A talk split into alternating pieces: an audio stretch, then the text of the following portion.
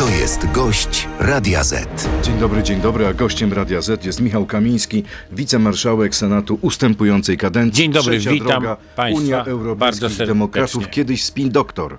Tak jest, a już nie, nie spin doktor, już dzisiaj tylko senator po raz drugi zresztą, Tylko za co bardzo aż, serdecznie, za co aż. bardzo serdecznie, bo pierwszy raz na antenie Radia Z szybciutko chciałem bardzo serdecznie podziękować tym wszystkim 200 tysiącom prawie wyborców, którzy zadecydowali, że po raz kolejny jestem w Senacie. Bardzo Państwu dziękuję. To Zrobię teraz- wszystko, by nie zawieść. To teraz pora na krótką piłkę. Zobaczymy, czy pan nie zawiedzie. No.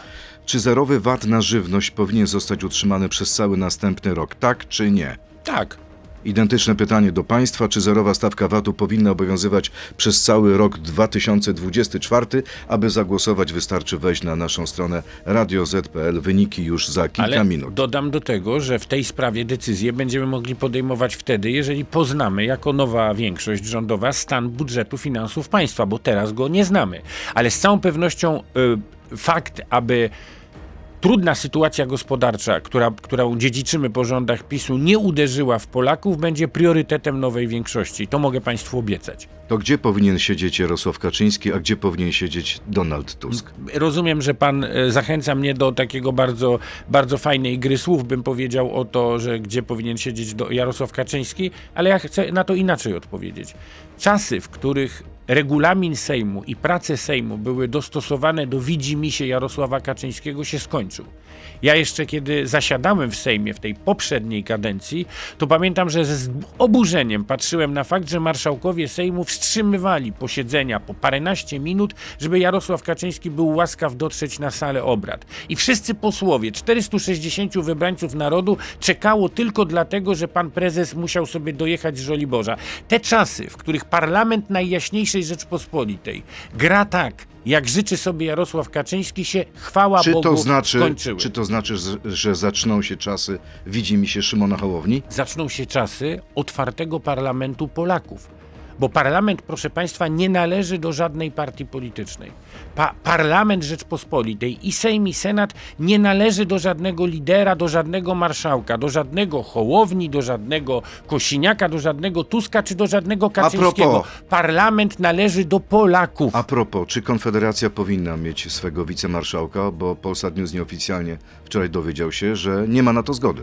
Nie wiem, panie redaktorze, nie zasiadam w prezydium Sejmu. Ale pana nie- zdaniem jak powinno być? Zazwyczaj jest tak, że wszystkie kluby, które mm, e, są klubami parlamentarnymi, ma, mają wicemarszałków, ale zdarzały się od tego odstępstwa i na przykład Polskie Stronnictwo Ludowe nie miało wicemarszałka, Tak, mimo pamiętam, że miało 2015 klub rok. parlamentarny. To była decyzja Prawa i Sprawiedliwości. Jaka powinna być dziś decyzja opozycji demokratycznej? Powinna być- Konfederacja w prezydium, tak czy nie? Ja uważam, że powinna mieć swojego reprezentanta. Ale inaczej twierdzą pana Ale, koleżanki, pani redaktorze- poseł Wielichowska, pani poseł Dziemianowicz-Bąk. Ale okej, no to, ale panie redaktorze, no przepraszam bardzo, jak pan mnie pyta, co, pan mnie nie pyta, co sądzą moje koleżanki, tylko pan mnie pyta, co ja sądzę. To zapytam ja inaczej. Wiem, co pan sądzi, ale czy pan uważa, że pański punkt widzenia przekona koleżanki, kolegów? Panie redaktorze, w bardzo wielu punktach mój punkt widzenia, w bardzo wielu punktach mój punkt widzenia w różnych konfiguracjach w opozycji bywa mniejszościowy, bo każdy w jakichś sprawach ma mniejszościowy A pogląd. jaki jest no. pański punkt widzenia na obecność w prezydium Sejmu Elżbiety Witek? Negatywny. Dlaczego? Dlatego, że to była osoba absolutnie i osobiście odpowiedzialna za łamanie regulaminu Sejmu, za łamanie obyczaju parlamentarnego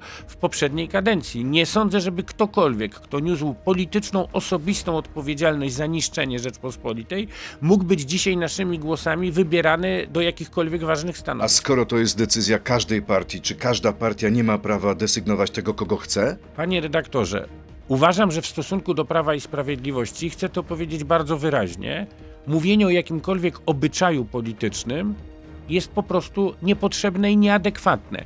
Prawo i Sprawiedliwość bowiem przez ostatnie 8 lat deptało obyczaje polityczne w Polsce.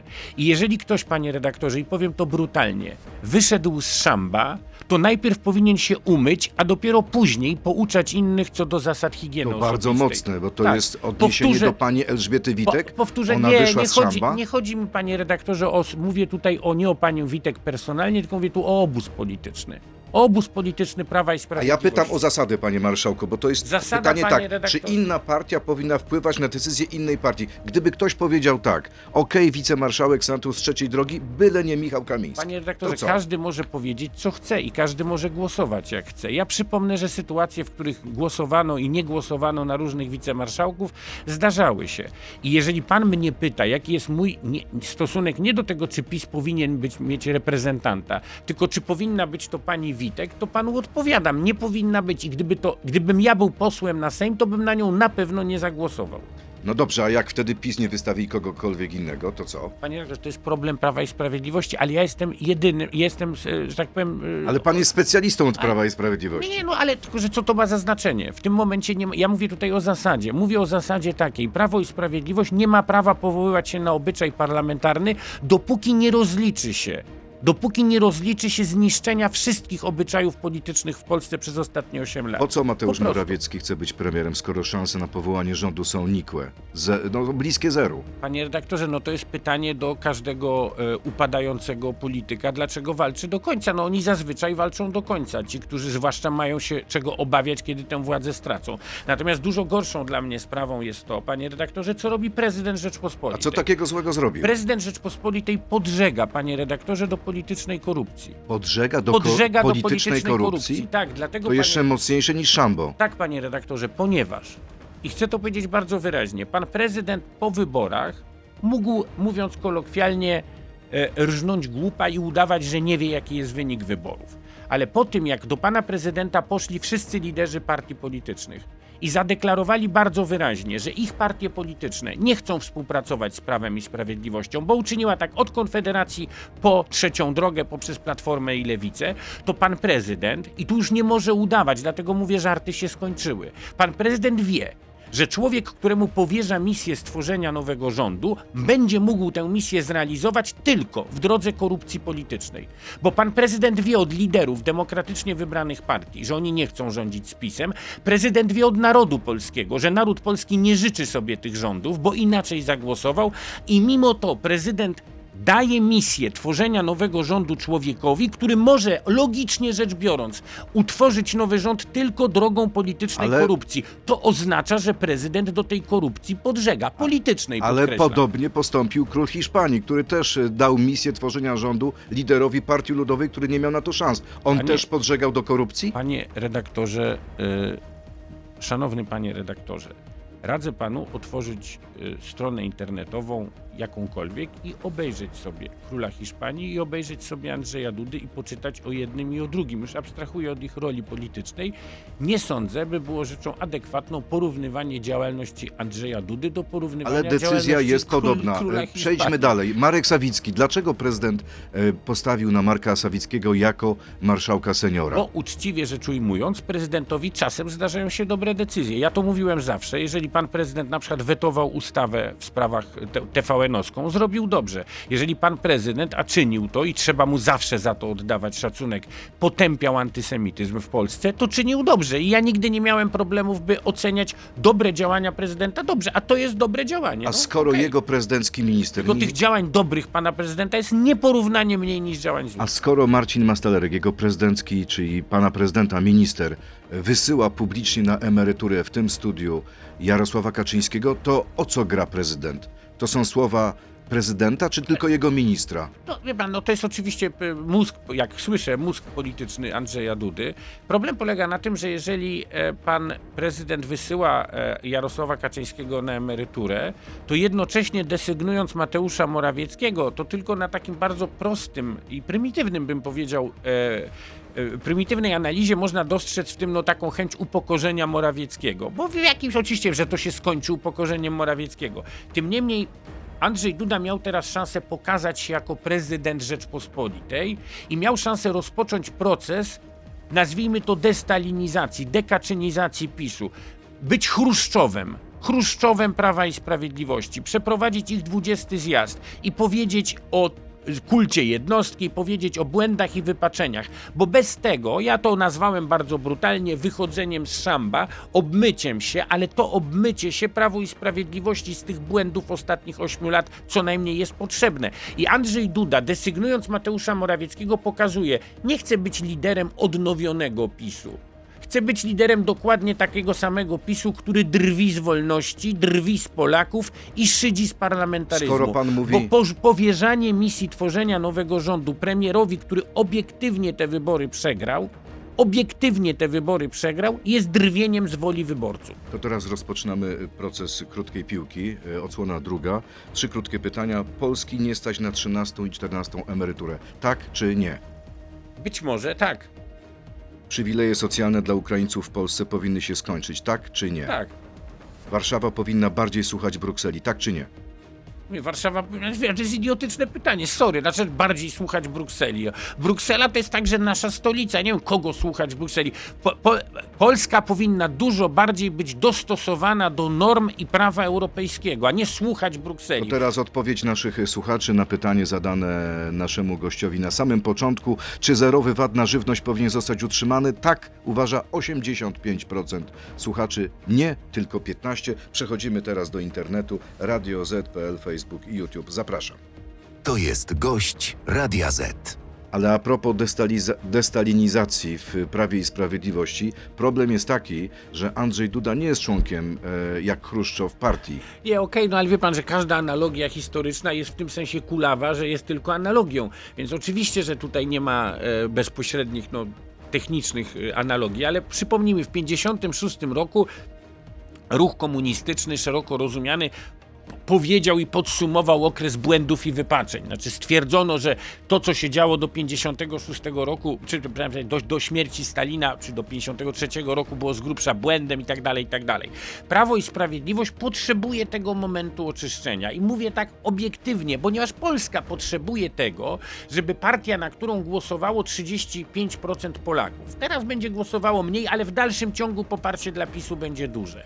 W interesie Rzeczpospolitej jest to, żeby tych ludzi, którzy głosują na PiS, nie wyprowadzać z polskiej polityki, nie kazać im iść na polityczne manowce antyeuropejskie, szowinistyczne. Ci ludzie powinni mieć takie miejsce w polskiej scenie politycznej, jak ma konserwatywny, prawicowy elektorat w normalnych krajach Czyli pana europejskich. zdaniem e, Andrzej Duda mógłby zostać Chruszczowem PiSu, Ale nie gdyby chce. nie powołał Mateusza Nie, Morawieckiego? to wie pan, no, może to błagam. Wie pan, to zostałoby nie- odebrane jako zdrada ale no, w jego pan, ale, obozie. ale przepraszam bardzo, ale to pan temu prezydent... obozowi zawdzięcza ale pan, prezydenturę. ale pan prezydent robił rzeczy, które były odbierane w tym obozie jako zdrada parę razy. Zawetował ustawę TVN-owską, a przecież TVN jest, był i jest w dalszym ciągu symbolicznym wrogiem e, tego obozu politycznego. No dobrze. I przecież też był wtedy To co będzie zdrajcą. dalej? Mamy sytuację, jaką mamy, tak? Uważam, panie Prezes prezydent, Kaczyński uważam, panie, jest prezesem, czy będzie nim nadal, czy pójdzie na emeryturę?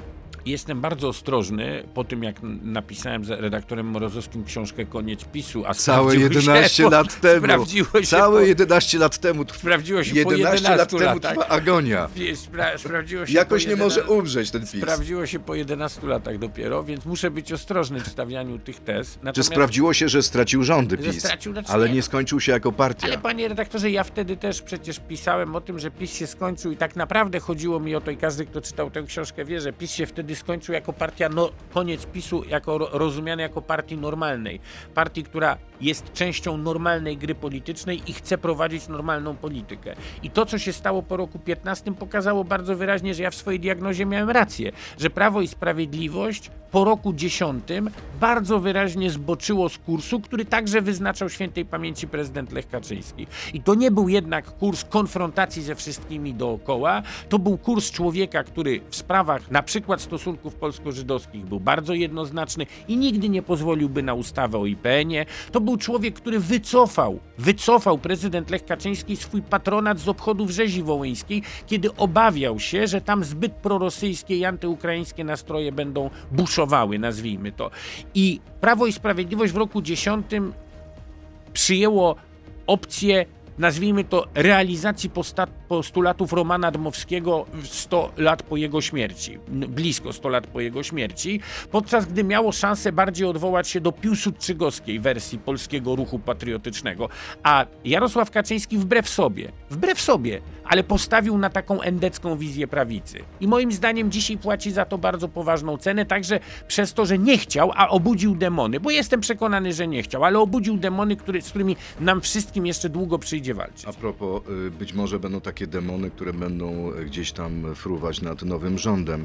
Wróćmy do Na, tych... na pewno będą, tak. no właśnie. I pa- teraz, I ale- teraz jest pytanie, na- czy to nie będą najważniejsze demony rangi ekonomicznej?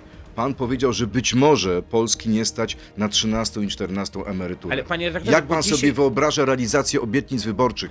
Połączenie tak czasami sprzecznych ze sobą programów gospodarczych. Nie, ja myślę, nowej że pa- koalicji. Wbrew pozorom programy gospodarcze one się uzupełniają, tak? No zawsze jak jest rząd koalicyjny, to ten rząd jest wypadkową najrozmaitszych pomysłów. Natomiast ja panu mogę powiedzieć, bo co do tego, chociaż nie uczestniczyłem w tych rozmowach, to co do tego po prostu posiadam wiedzę. Priorytetem tego rządu, poza oczywistą sanacją, nazwijmy to inaczej, oczyszczeniem, re, Czyli Poprawą odwołanie się do Piłsudskiego. Po- poprawą, ja mówię teraz o Uzdrowieniu. o uzdrowieniu Okej. sy- sytuacji sy- finansów publicznych i, i, i, i generalnie rozumianej sfery podatkowej, gospodarczej. Z całą pewnością priorytetem tego rządu będzie to, by koszty trudnych rzeczy w jak najmniejszym stopniu ponosili, ponosiło społeczeństwo. I to jest moim zdaniem Czyli dla, dla pana jest oczywiste, oczywiste, że tą zerową stawkę na żywność trzeba utrzymać. rząd zrobi wszystko, by ją No utrzymać. pytanie, czy będą na to pieniądze, Panie bo to redaktorze, kosztuje ale właśnie, ale panie 13,5 redaktorze, miliarda złotych. ja patrzę panu i państwu, ponieważ jesteśmy na, w YouTubie w oczy. Nikt dzisiaj odpowiedzialny ze strony opozycyjnej nie mógłby państwu powiedzieć niczego innego. Przysięgam, co ja dzisiaj jestem w stanie powiedzieć, z tego prostego powodu, że my nie wiemy, co jest, nazwijmy to, w księgach. Tak? Dzisiaj opozycja i niestety prezydent czyni wszystko, byśmy się do tych ksiąg, do tego, żebyśmy mogli w imieniu państwa zajrzeć do skarbu naszego państwa, mówię w pewnym e, uproszczeniu, i zobaczyć, co państwu, co państwu Prawo i Sprawiedliwość zostawiło, pan prezydent czyni wszystko, byśmy to mogli Ale dopiero to przed 2-3 gwiazdką tygodnie zobaczyć. y, zobaczycie. Tak, i wtedy będziemy podejmować, i na pewno, panie redaktorze, warunkiem sukcesu tego rządu będzie transparentność w przekazie. To znaczy, my od samego początku musimy być bardzo szczerzy w tym, co zrobimy, czego nie zrobimy, na co nas stać, na co nas nie stać, i bardzo szczerzy w pokazaniu Dobrze. prawdziwego Bardzo obrazu. Szczery jest również profesor Balcerowicz, który ma poważne wątpliwości. E, Mówi tak, Koalicja Obywatelska milczy w sprawach zasadniczych, czyli w sprawie stanu gospodarki po rządach PiSu. Nie wskazuje skąd wziąć pieniądze, ani co zrobić, aby gospodarka nie wpadła w stan bliski stagnacji. Swoją ocenę kończy, to ma być program rządu? Pan się zgadza z tą opinią, czy uważa pan, że profesor przesadza? Nie, nie uważam po pierwsze, a pan, paradoksalnie, ja uważam, że pan profesor Barcelowicz na tym etapie ma prawo zgłaszać takie wątpliwości, ale dzisiaj pan profesor, ani ja zresztą, nie znamy treści umowy koalicyjnej. Natomiast obawy co do tego, które zgłasza pan profesor Barcelo- Balcerowicz od dłuższego zresztą, zresztą czasu, czy opozycja racjonalnie podchodzi do polskiej gospodarki, to to są obawy, na, do których akurat pan profesor Balcerowicz ma największe prawo i powinniśmy wszyscy słuchać, co ma nam do powiedzenia i w bardzo wielu sprawach e, e, słuchać, mówię to w takim zrozumieniu, i również przyjmować do wiadomości, co mówi do nas Balcerowicz. Dobrze, to teraz porcja pytań od naszych słuchaczy. Czy według pana marszałka opozycja demokratyczna powinna wystartować w wyborach samorządowych i europejskich na jednej liście? Nie, no nie sądzę. Myślę, że ten wy, wy, wy, A dlaczego nie? Znaczy, Po pierwsze dlatego, że sprawdziła się formuła, sprawdziła się formuła trzech list opozycji, ona dała nam większość, ona nam dała mm, większość w Senacie, gdzie wystąpiliśmy nie tyle nawet z jedną listą, co się dogadaliśmy i jeżeli mówimy o wyborach samorządowych, to ja nie tylko nie wykluczam, ale jestem przekonany, że w bardzo wielu miastach dojdzie do takiego porozumienia. A na poziomie miastach. sejmików Na wojewódzkich? poziomie sejmików jestem przekonany, że będziemy utrzymywać e, tą scenę polityczną, jaką mamy do tej pory i jestem przekonany, że Trzecia Droga ma przed sobą bardzo dużą przyszłość, także w kontekście wyborów e, samorządowych. To jest, myślę, e, oferta polityczna, która się Polakom spodobała i to jest oferta polityczna, która, ja powiem panu redaktorze tak, panie redaktorze, jak ostatnie 20 lat polskiej polityki określił konflikt między Kaczyńskim a Tuskiem. między braćmi Kaczyńskimi a Tuskiem. Ja mam nadzieję, i mówię to teraz bardzo poważnie, że następne 20 lat polskiej polityki określi współpraca między Hołownią a Kosiniakiem. Bo to jest współpraca, która jest współpracą w jakimś sensie też dwóch fajnych, uzupełniających się Polsk. Polski postępu i polski tradycji. Tych dwóch I fajnych, jak pan powiedział, polityków stanie na bardzo polityków. ważnych stanowiskach. Tak. Szymon Hołownia, bez doświadczenia parlamentarnego, zostanie marszałkiem e, Sejmu. Władysław Kosiniak-Kamysz, również bez doświadczenia w tej dziedzinie, zostanie szefem MONU. Czy dadzą radę? Czy się sprawdzą? Dadzą radę na pewno. Fakt, że pan, e, jeżeli tak się stanie, że Szymon Hołownia, mam nadzieję, że tak się stanie, będzie marszałkiem Sejmu, to będzie jego potężnym atutem, że wejdzie tam po prostu jako obywatel. Po raz pierwszy od samego początku, po raz pierwszy od roku 89 marszałkiem Sejmu zostanie ktoś zupełnie świeży. Wniesie do tej instytucji, która jak mało która w Polsce potrzebuje głosu obywateli, świeżości, otwarcia, bo jak inaczej mamy ludziom, którzy tak rekordowo poszli do wyborów, pokazać, że ten parlament, za którym oni głosowali stojąc w kolejkach, jest ich Ale parlamentem wie pan, co niż będzie się działo w nowego, tym parlamencie? marszałka. Mogą być prowokacje, mogą być skandale, mogą być nawalanki. Tak jest, panie I redaktorze. pytanie, czy Szymon Hołownia sobie poradzi? Na pewno, panie redaktorze, jak dla każdego polityka, nowa funkcja, którą e, obejmuje, jest zagrożeniem i jest szansą.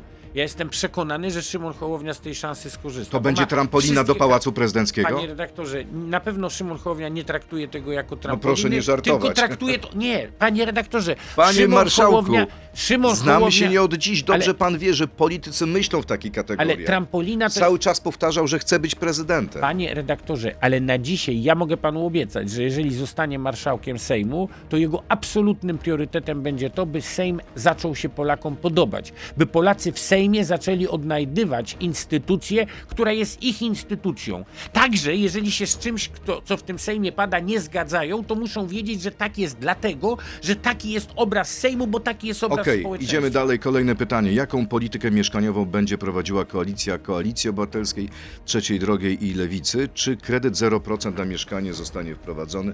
Co z podatkiem katastralnym? Jakie plany na ukrócenie patodeweloperów hulających po całej Polsce macie? Panie redaktorze, ja powiem tak, nie mam prawa, bo nie uczestniczyłem w umowach koalicyjnych, w związku z czym, nie, w umowie, znaczy w redagowaniu umowy koalicyjnej, tak. w związku z czym błagam, nie mam prawa teraz wypowiadać się w żadnych szczegółach, bo musiałbym udawać przed państwem, że jestem ważniejszym Ale pytanie tak naprawdę głębsze jest takie. Czy przy takich różnicach programowych jesteście w stanie rządzić przez 4 lata? Panie redaktorze, koalicja PO-PSL nie tylko rządziła Polsce kiedyś 8 lat temu, bo teraz tu będzie zupełnie nowa koalicja, ale od roku 18 rządzi w połowie województw. W połowie województw nigdzie nie rozpadła się koalicja PO-PSL. W Senacie mieliśmy koalicję Lewicy, PO, PSL-u, także no później ruchu Hołowni, bo był jeden senator od Hołowni i ta koalicja, chociaż ja dokładnie w tym studio od 4 lata temu, od samego początku musiałem Państwa zapewniać i y, odpowiadać na trwożliwe pytania, czy ta jedność jednego, znaczy ta większość jednego głosu zostanie utrzymana, czy się nie pokłócimy.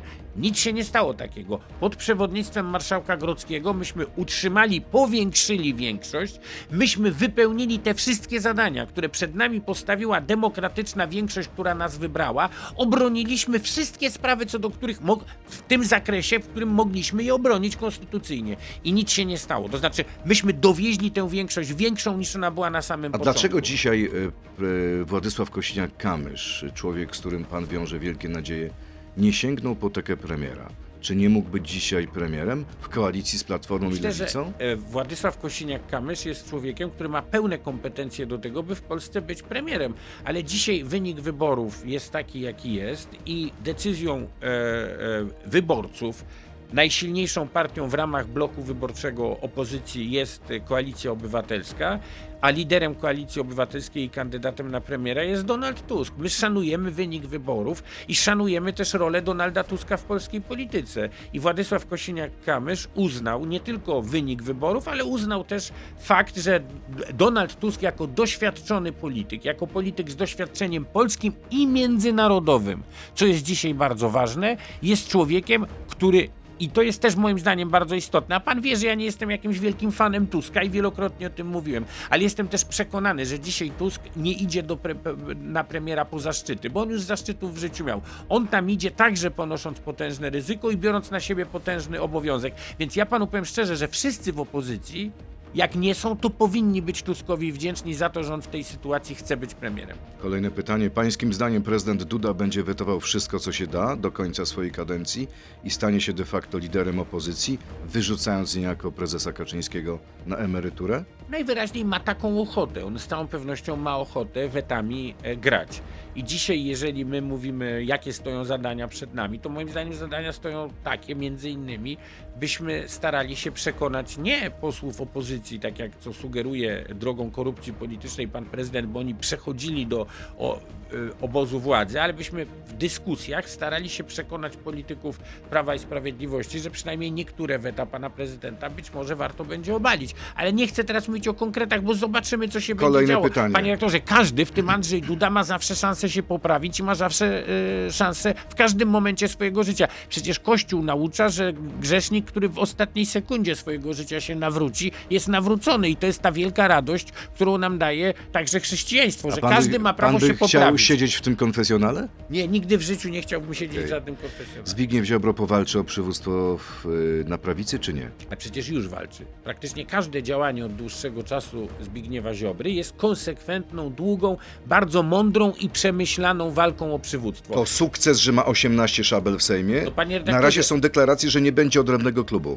Ma, e, to jest oczywisty sukces w warunkach redukcji innych parlamentarzystów, i to znaczącej redukcji parlamentarzystów Prawa i Sprawiedliwości.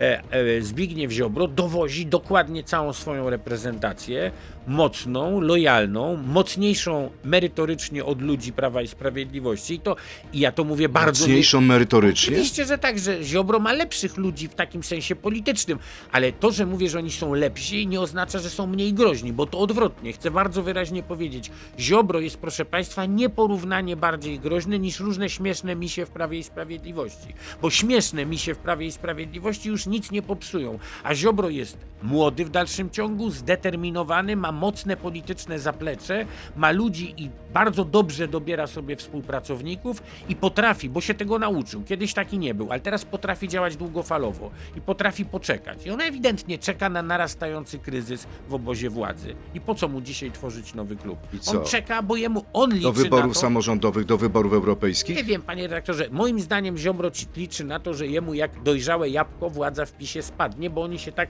wzajemnie pokłócą, że i elektorat, i duża część działaczy uzna, potrzebujemy silnego człowieka, a jedynym silnym człowiekiem, który e, da, radę jest Zbigniew Ziobro. On na to liczy, że tak się potoczy, potoczą wydarzenia. I ja bym obawiał się, że być może rachunek Ziobry się sprawdzi, a wtedy będziemy mieli jako lidera obozu prawicy w Polsce Ziobry nieporównanie groźniejszego przeciwnika niż do, wszyscy dotychczasowi. Kolejne pytanie słuchacza. Czy o zgodę na nowy traktat unijny należy zapytać obywateli w referendum?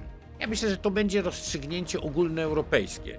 I ja zakładam, że zwłaszcza jeżeli, e, panie redaktorze, reforma Unii Europejskiej, nowa instytucjonalna, miałaby fundamentalny charakter, a w jakimś sensie ona, jeśli ma być przeprowadzona, to musi mieć fundamentalny charakter, bo inaczej nie da się przyjąć Ukrainy do Unii Europejskiej. Trzeba Dobrze, jasno i ale czy powinniśmy powiedzieć. wtedy pójść do Oczywiście, referendum? że tak.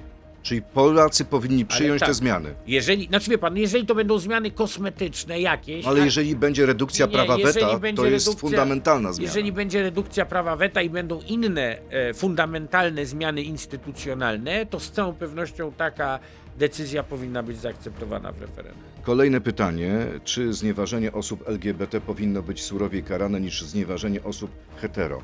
Pojawił się taki pomysł, że będzie zapis o mowie nienawiści. Dlaczego no, mowa nienawiści to jest mowa, która jest skierowana do kogoś z powodu nienawiść z powodu takiej czy innej jego orientacji. Jeżeli ja się nie spotykałem z mową nienawiści wobec ludzi heteroseksualnych, która by z faktu, że ktoś jest heteroseksualny, wykluczała go ze społeczeństwa, mówiła, że taki człowiek nie posiada praw obywatelskich. Jeżeli ktokolwiek będzie chciał mnie z faktu, że ja e, jestem osobą heteroseksualną, wykluczać z życia publicznego, będzie mówił, że moje, moja orientacja seksualna jest plugawa i fakt, że ja żyję z moją żoną jest czymś, co go złości i powoduje, wywołuję u niego wymioty, będę uważał, że ten człowiek głęboko mnie obraża i będę żądał obrony swoich praw. Uważam, że każda osoba, która jest orientacji homoseksualnej i będzie z tego powodu obrażana, ma tak samo prawo do tego, by protestować przeciwko mowie nienawiści, bo mowa nienawiści jest skierowana przeciwko człowiekowi z tego powodu, jaki on jest. A propos, kolejne pytanie.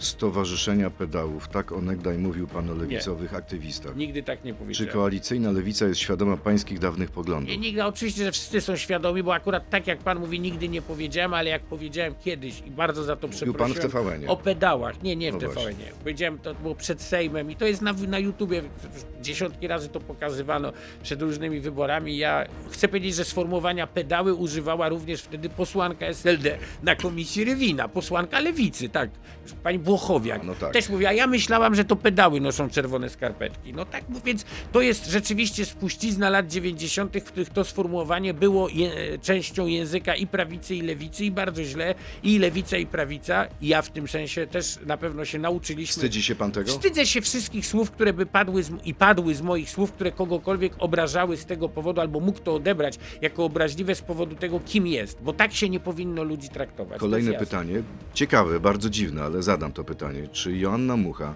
nie poszła do Europarlamentu, żeby ratować Włodzimierza Karpińskiego z aresztu? Nie rozumiem, przepraszam. Bo wie pan, jaka jest sytuacja z Ale, Włodzimierzem ale Karpińskim? Joanna Mucha nie poszła do nie, parlamentu. No tak, nie poszła, nie poszła.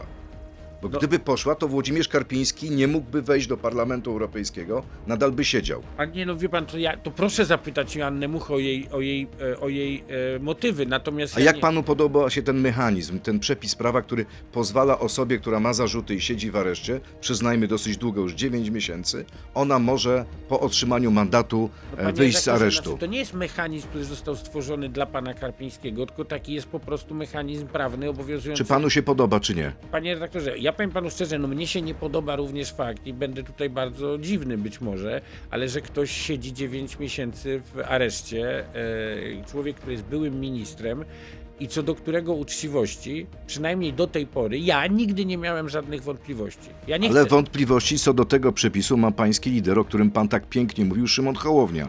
On pyta, e, czy tak powinno być. Mówi, że to dość ekstrawagancka decyzja i jest pytanie, czy to jest odpowiedzialne i czy to powinno tak dzisiaj wyglądać. Jeżeli pan, ale widzi pan, ja mam i zaręczam panu, że z faktu, że ja się w jakiejś sprawie nie zgadzam, czy mam inną opinię niż Szymon Hołownia, nie wynikają dla mnie żadne przykre konsekwencje, bo tak na tym polega normalna polityka, że w różnych sprawach ja po prostu znam w przeciwieństwie do Szymona Hołowni pana ministra Karpińskiego. Ja go znam osobiście i mogę panu powiedzieć, że ja nie wierzę w to, że ten człowiek dopuścił się e, e, korupcji. Po prostu ja w to nie wierzę. I to jest człowiek, e, który jest e, członkiem Koalicji Obywatelskiej, Platformy Obywatelskiej, lojalnym. Nie jest moim politycznym kolegą w tym sensie. Po prostu go znam jako człowieka uczciwego i dla mnie zarzuty wobec niego były szokiem i ja mam nadzieję, że on się z nich oczyści.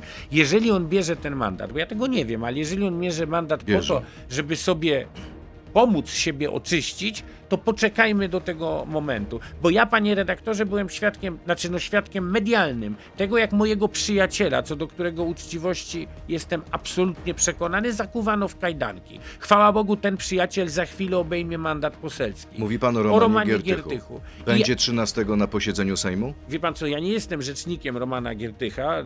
Wśród licznych zaszczytnych funkcji w życiu, które pełniłem, tej mi nie zaproponował. Ale należy się E, spodziewać, czy nie? Ale myślę, że no oczywiście, że przyjedzie i będzie, tak sądzę, no powiedzmy, że się nie mam prawa wypowiadać w tej sprawie, ale no nie wyobrażam sobie, żeby było inaczej i, i e, proszę państwa, to dobra wiadomość. Roman Giertych będzie posłem na Sejm Rzeczpospolitej. Ale drugi pański przyjaciel, też pan nie ukrywa, że jesteście w dobrych relacjach. Radosław Sikorski. Powinien być szefem MSZ-u? Radosław Sikorski powinien pełnić taką funkcję, w której najlepiej będzie służył Rzeczpospolitej. To by jest jest- unik, to nie jest odpowiedź na moje pytanie. Ponieważ, panie redaktorze, ja mogę panu powiedzieć tak, to, to dopiero będzie odpowiedź. Gdybym ja był premierem, pan wie, że to jest bardzo ten, to z całą pewnością zaproponowałbym funkcję ministra spraw zagranicznych Radosławowi Sikorskiego. Gdybym ja był premierem, ale ja, jak wiadomo, mi to nie grozi, ale. Ale sądzi pan, opinię. że podobnie myśli Donald Tusk? A to proszę zapytać Donalda Tuska. A Sikorski byłby lepszy niż Kowal? Oj, błagam, niech pan mnie w takie rzeczy nie. Dlaczego? Nie, nie, znaczy, pan, Przecież ma pan to- ocenę, zna pan doskonale swoich kolegów. Wie pan, kto jest bardziej kompetentny. Ale pan też doskonale wie, że ja, bo wielokrotnie o tym mówiłem publicznie, że w dziedzinie polskiej polityki międzynarodowej ja najwyżej oceniam kompetencje z aktywnych polityków Radka Sikorskiego. Bo oczywiście jest jeszcze Aleksander Kwaśniewski i, no, i Donald Tusk, prawda? No, ale Donald Tusk jest premierem. Ale raczej więc, Aleksander o, Kwaśniewski nie zostanie, nie zostanie ministrem. ministrem spraw zagranicznych i Donald Tusk też nie zostanie ministrem Dobrze, spraw zagranicznych. jak skończy się ta wojna w y, Narodowym Banku Polskim między ministrem, byłym ministrem prezydenckim Pawłem Muchą, członkiem zarządu, a Adamem Glapińskim? No, no właśnie, więc pan prezydent, który się troszczy o to, e, czy koalicja nowa, większość będzie spójna, na razie powinien się zatroszczyć o to, że z jednej strony jego nominat, Adam Glapiński, ja pamiętam artykuły, w których było podkreślane, jak w bardzo dobrych i zażyłych kontaktach jest pan prezydent z prezesem NBP-u i że na wniosek pana prezydenta przecież prezes NBP-u został też powołany na drugą kadencję, a z drugiej strony bardzo bliski współpracownik pana prezydenta, długoletni, mówi rzeczy z punktu widzenia no, państwa szokujące. No, w zasadzie oskarża o nieodpowiedzialną politykę kierownictwo Narodowego Banku Polskiego i nie czyni to. Co? Przypomnijmy, nie czynią tego politycy Koalicji Obywatelskiej, PSL-u czy Lewicy, tylko najbliższy współpracownik prezydenta, powołany do zarządu NBP-u, stawia de facto bardzo poważne zarzuty powołanemu przez prezydenta, powołanemu na wniosek prezydenta szefowi Narodowego Banku Polskiego. Jeżeli ktokolwiek się zastanawia, dlaczego kończy się w Polsce państwo PiS, a ono się kończy, to również dlatego, że takie sytuacje były możliwe. No i pytanie, komu teraz będzie bardziej ufał prezydent? Czy Adamowi Glapińskiemu, czy Pawłowi Musze?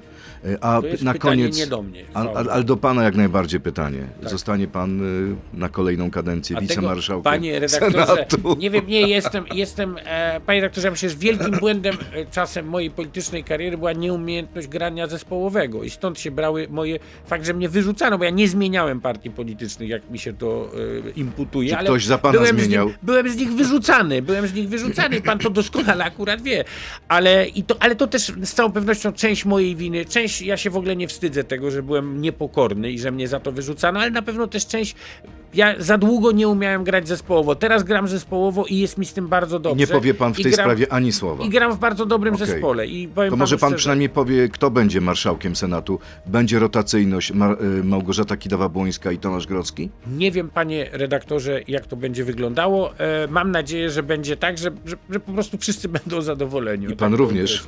O nie, ja tu jestem, ja jestem już zadowolony. Panie redaktorze, Tak. jestem senatorem Rzeczpospolitej. Dostałem prawie 200 tysięcy głosów, najwięcej zresztą w całej trzeciej drodze osobiście.